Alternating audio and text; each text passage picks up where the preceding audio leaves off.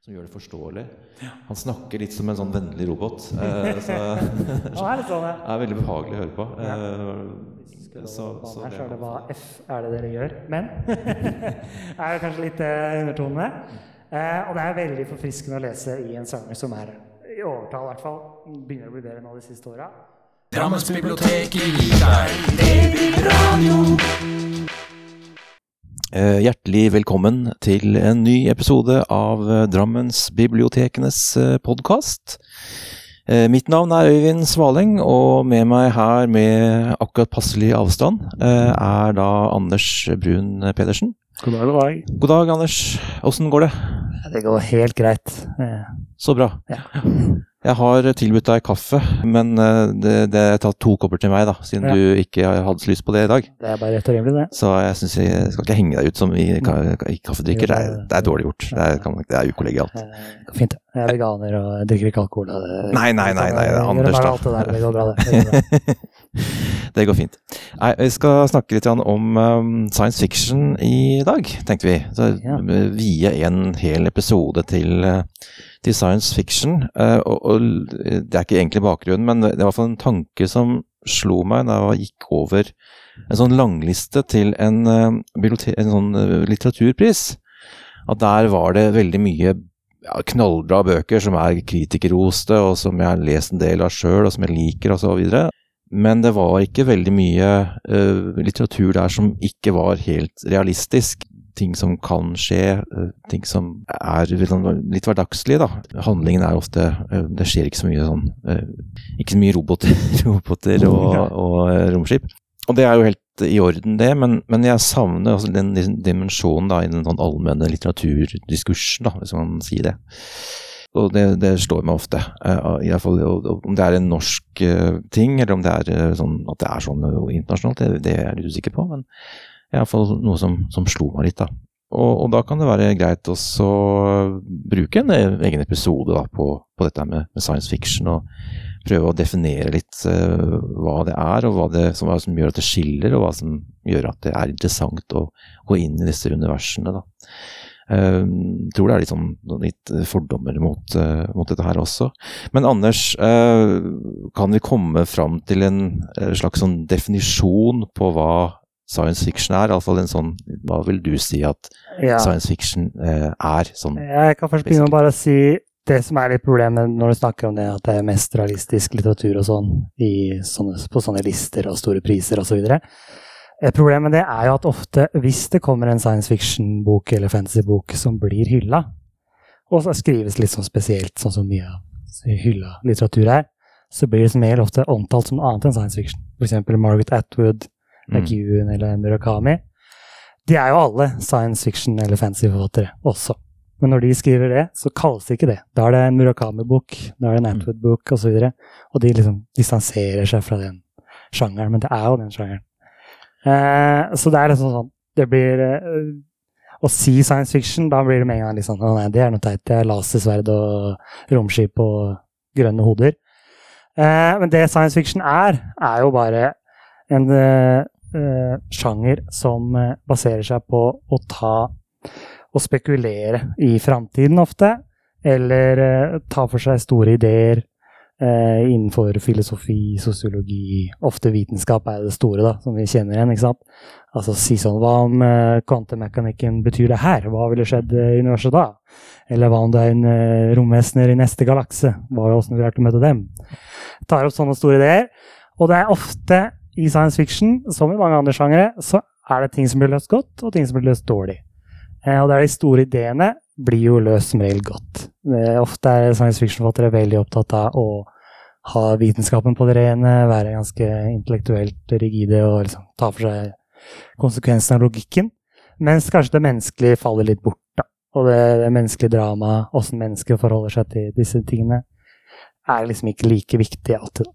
Men det fins forfattere som gjør begge deler, altså. Ja, og du er jo inne på noe, for jeg, det, det er ikke sånn at eh, science fiction ikke nødvendigvis er realistisk. Den kan være veldig realistisk, men den må basere seg på noen konsepter, ideer, eh, noen framtidsvisjoner eller et eller annet da, som, som man kan tenke seg faktisk kan skje. Eh, Det er mange som mener f.eks. at Star Wars ikke er science fiction nettopp fordi at den tar ikke opp i seg altså, logikk og, og vitenskap, egentlig. Nei. Eh, Det er ikke lyd i verdensrommet osv. Så, videre, så, videre. så Så det kan kanskje gå litt mer sånn fantasisjanger, på en måte. Så science fiction, hvis du går, skjærer det ned til beinet, så er det litt mer eh, sånn hva om eh, det og det skjer, hva, hva man legger eh, denne vitenskapen til grunn, eh, og, og så videre. Hva, hva blir eh, Ja, resultatet av det, da? Så det er liksom et klasseeksempel på det er i, i Star Wars så har du The Force. Og det er liksom magi.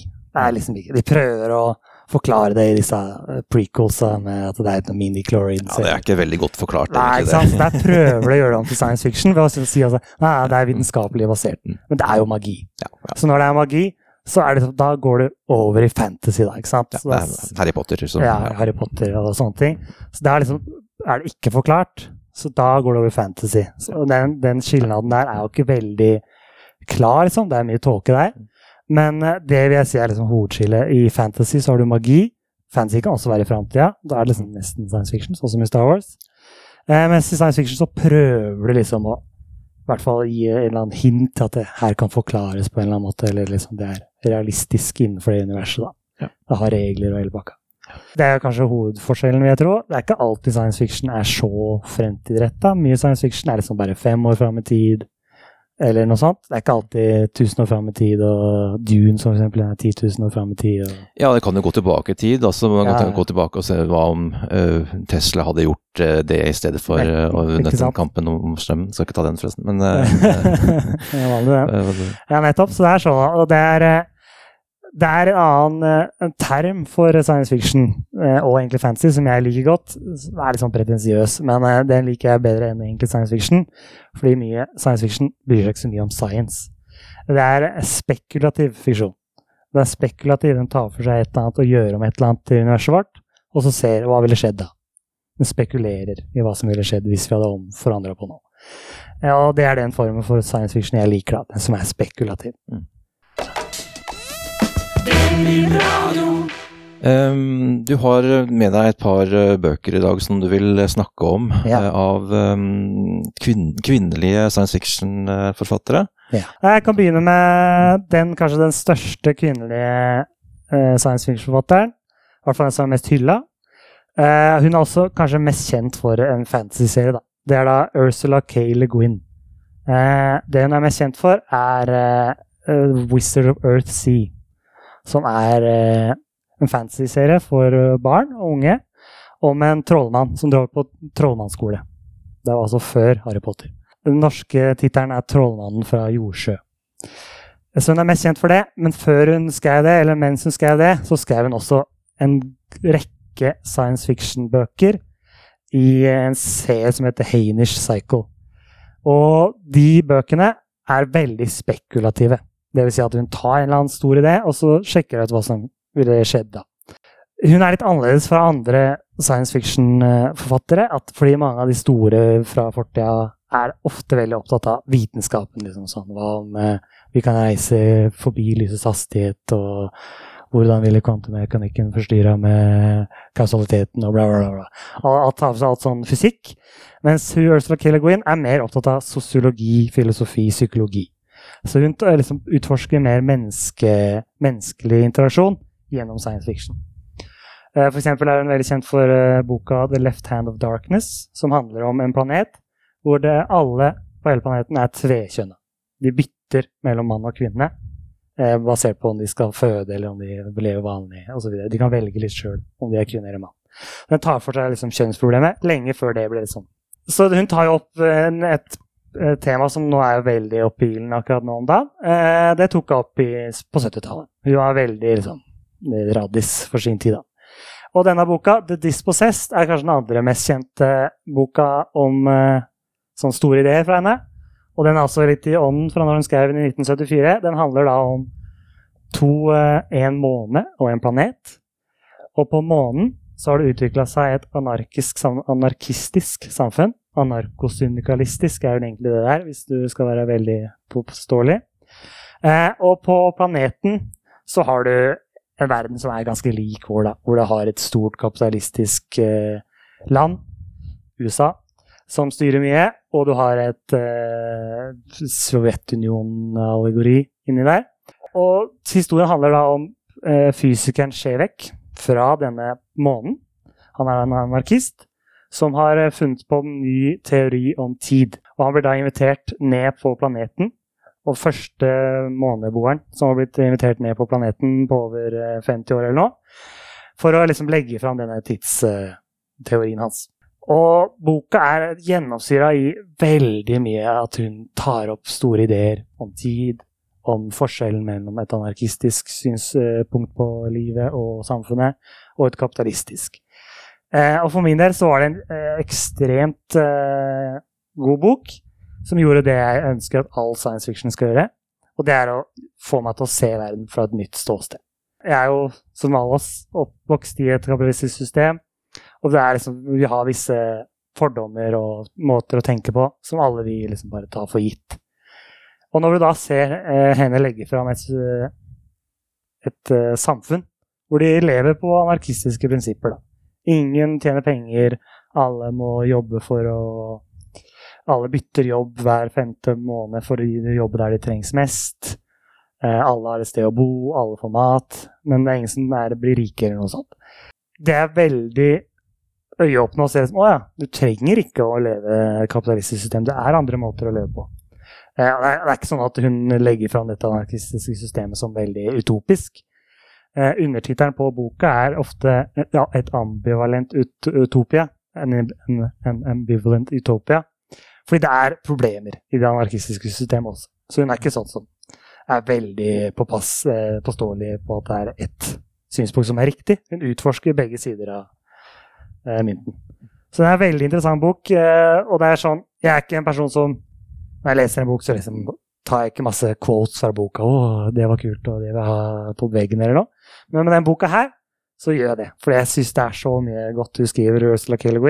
Og hun har en eh, prosa som er helt enestående i science fiction-sjangeren. Det er ofte at eh, skrivekunsten går litt til siden i denne sjangeren her, men det gjør det ikke hos henne. Hun er veldig god på det også. Så det er absolutt en bok jeg anbefaler til enhver som har lyst til å utforske nye ideer via en person som skriver faktisk både godt menneskelig og filosofisk slash intellektuelt, hvis du kaller det det. da. Ursula K. Leguin, hvis jeg uttalte det riktig, sånn cirka i hvert fall. Ja. En av de, de store forfatterne innenfor science fiction-sjangeren, må vel være lov å, å si. Ja, Um, absolutt. så absolutt et, eh, et sted man kan, eh, kan begynne. Um, og du har en bok til, også det av en kvinnelig forfatter. Ja, det er en novellesamling av en litt mindre kjent uh, kvinnelig forfatter, som gikk under et mannlig pseudonym i store deler av skrivekarrieren hennes. Eh, hun het da James Triptree jr. når hun hadde mannlig synonym, og Alice Sheldon når hun var, eh, gikk over til kan sitt eget navn. da. Eh, og boka er Her Smoke Rises Up Forever. Rose Up Forever. Det var feil. Eh, Her Smoke Rose Up Forever. Den er en novellesamling med 18 vel, og veldig varierende hvor lange de er. Noen er kjempekorte, to sider, og noen er 40 sider. Og det er science fiction som er helt annerledes. Uh, Ursula K. Le Guin på en måte, og ganske likt på en annen måte. Eh, begge er av den skolen at de er ikke så interessert i det mer fysiske, altså fysikk, eh, vitenskapelige delen av det. De er mer interessert i hvordan du kan bruke science fiction-ideer til å utforske menneske, menneskelig syn, menneskelig liv osv. Og disse er også skrevet på 60- og 70-tallet, noe på 50-tallet òg. Og Alice Sheldon var jo da en kvinne på, i USA på denne tiden. Og det var jo ikke alltid så lett å være en kvinne da. Spesielt hvis du var ganske intellektuell eh, interessert og ambisiøs. Det var ikke like interessant for eh, samfunnet denne gang. Så det er mye av historiene som er farga av det. De tar liksom Finner på nye eh, science fiction-ideer, og så ser de åssen det ville påvirka som regel kvinner. Og det er som regel ikke så hyggelig, det som skjer da. Ofte er historiene at kvinner blir eh, mishandla av samfunnet, av menn, av eh, nye raser osv. Så, videre. så det er en sånn undertone av feminisme i alle historiene hennes. En form for feminisme som er litt sånn eh, Hvis vi skulle lov å banne her, så er det hva F er det dere gjør? Men er det kanskje litt eh, undertone. Eh, og det er veldig forfriskende å lese i en sanger som er i overtall, i hvert fall, begynner å bli bedre nå de siste åra, eh, av menn. da. Eh, for eksempel har hun en historie som heter eh, Som er eh, forløperen til hele cyberpunk-sjangeren. Den heter da The Girl Who Was Plugged In. Det er nesten vel Nesten Det er påfallende hvor lik den er dagens samfunn på mange områder. Den tar liksom for seg eh, influensekultur, eh, at vi tilber seg kjendiser, og at vi har et veldig eh, usunt forhold til eh, kvinnelig kjønnhet. Det handler da om en eh, veldig En kvinne som er født med en jente, da, en tenåringsjente, som er født med misdannelser, så hun er ikke veldig pen. Og hun blir da kontakta av et selskap som sier at eh, vi kan gjøre deg pen. Eh, og da sier hun selvfølgelig ja. Og da blir hun tatt med inn i en bunker 200-300 meter under jorda. Og blir plugga inn i en maskin hvor hun da får kontroll over en kvinnelig kropp. Da en dame som har dødd eh, hjernedød. Og hun tar over denne kroppen, som er da veldig vakker og flott. Og så får hun leve gjennom denne kroppen. Men hun kan ikke føle noe som helst. Hun kan bare si ting, røre på seg, osv. Eh, og den er skrevet i en sånn Det er en, det er en fortellerstemme her som gjør narr av eh, både historien, leseren og denne jenta gjennom hele historien. Og det skjer veldig mørke og forferdelige ting. Eh, både for den kvinnekroppen som hun styrer, og for denne jenta som er inni denne boksen og blir, eh, blir brødfødt bare med tuber inn i munnen og eh, lever i en sånn boble eh, i flere år. Det er en veldig mørk historie eh, som har en slutt som eh, setter en støk i deg, for å si det sånn. Og det er vel egentlig en inngang i nesten alle historiene hennes. At idet du er ferdig med dem, så sitter du igjen med en sånn ekkel, litt deilig, fæl følelse. Fordi du har lest et eller annet som virkelig har uh, trykka på noen knapper. da. Eh, James Tiptree jr., uh, The Girl Who Was Plugged In, en uh, science fiction-klassiker. Jeg tenker det at vi eh, kan avslutte med en eh, nålevende forfatter, Ja. Ted Chang, eh, som jeg har eh, lest litt i, eh, bladd litt i det siste. Nemlig den, den andre eh, novellesamlingen hans, eh, 'Exhalation'. Eh, Ted Chang har jo du snakket om før i podkasten, så det var eh, litt på grunn av det at jeg, jeg leste den. Eh, og han er jo han er jo eh, kjent, kanskje ja, Kjent og kjent. Han er jo veldig kjent uh, science fiction-forfatter. Meget uh, dekorert, masse priser. Ja. Oppsiktsvekkende lite produksjon. Um, han er fra amerikaner med kinesisk bakgrunn, og har produsert kun to novellesamlinger. Iallfall det som er utgitt, og så er det vel noen noveller utenom det også, kanskje. Jeg tror det er nesten alle nå. Ja, jeg tror De ja, to? Ja, mm, Ja. Eh, Så det er den andre, andre samlingen som jeg har lest, som kom i 2019, tror jeg, eh, som heter Exhalation. Da, som, eh, der han virkelig tar disse ideene, altså konsepter, ideer om f.eks. fri vilje, og, og, og vrir det og måtte skrur det til. Og han bruker nok veldig mye tid på å finne de riktige ordene eh, og for å få, få det her perfekt. Han har vel til og med sagt fra seg en sånn Hugo Award, som er det sånn største du kan få innenfor science fiction. Ja. Eh, Fordi han var ikke fornøyd med den eh, novella. Det synes jeg er, eh, det sier noe om integritet. da. Som jeg bare synes det er, det er fryktelig fascinerende fortellinger. Han bruker veldig mye myter og, og, og religion. Han er, han, en novelle er liksom basert liksom sånn løselig på 1001 natt, nesten. Altså sånn det er, det er historier i historien. Uh, Ja, det er kjempebra. det er veldig, veldig, veldig bra. Uh, og, og andre er, tar for seg sånne konsepter da, som eh, fri vilje, som jeg nevnte i stad. Det er der de lager en sånn der dings eh, som kan forutse fremtiden med ett sekund eller noe sånt. Ja. Eh, som gjør at folk eh, bare skjønner ok, greit, uansett hva jeg gjør med den dingsen her, så klarer jeg ikke å, å slå den. Eh, den forutser hva jeg skal gjøre. eh, og, og det som skjer, er at folk bare Ok, eh, fri vilje fins ikke. Eh, vi lever i en eh, deterministisk eh, verden. Eh, og da kan vi jo like gjerne bare legge oss på sofaen. Eh, mange, tenker det. At det er sånn, for det var jo det som skulle skje, så det er ikke noe vits i å, å ta tak i dette her. Ehm, selv er han vel eh, ikke determinist, han er vel tilhenger av konseptet om frivillige på, på sett og vis. selv om han har sikkert veldig mye kompliserte tanker rundt det, da. Men, ja, jeg har Det er et frivillig er et uh, filosofisk tema jeg er veldig interessert i sjøl. Ja. så jeg hører på mange filosofer som snakker om det, og noen av de har intervjua TJ. Og de kom litt inn, for det er mye i filosofiverdenen, så er det De ser litt sånn ned på folk. Hvis de sier sånn Determinisme betyr at du ikke har noe frivillig, da får du bare gi opp. Det tenker filosofen, ah, Da har du ikke tenkt nok gjennom det. Så da spurte de Ted Chiang om det. Da kom han om svar om kontemporalisme, som er liksom en form for filosofi innenfor frivillig som er veldig uttenkt. da. Og han ga et svar som var veldig bra. Tydelig at her er det en person som har sittet og tenkt på det her Ja. I lang tid. Han er ikke en person som Og så er han veldig på det her med ideene. Uh, Ja. Han er ikke veldig personlig, og det, det, er, det skal være lov.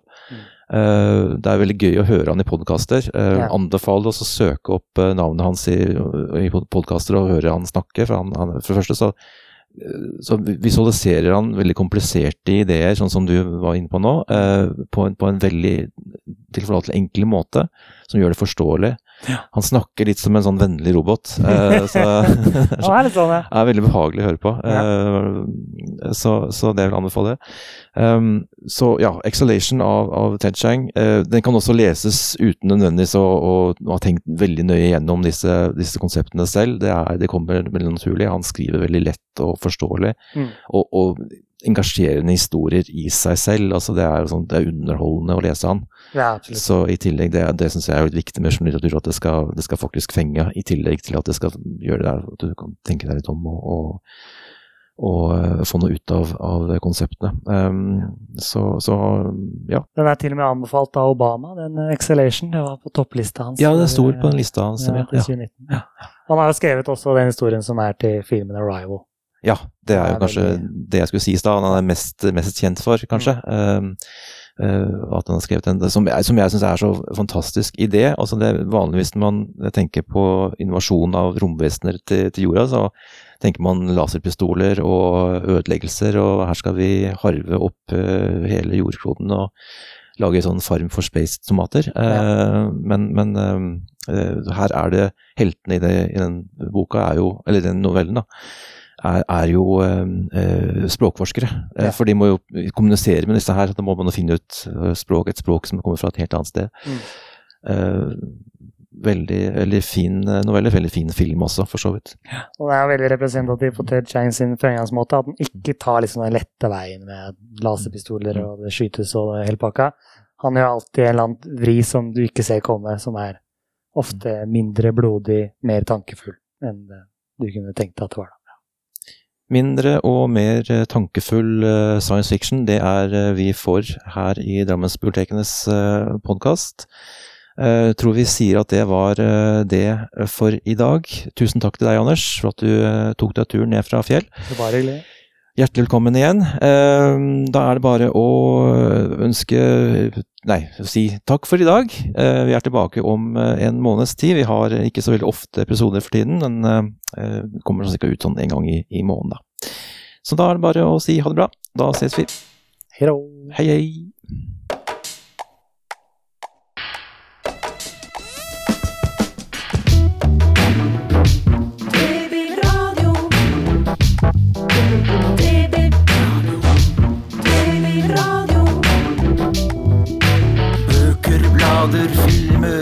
Aviser. Bilder, data, spillmusikk og nett. Myldring, lesing, leking og læring. Utstilling, turnering og kultur.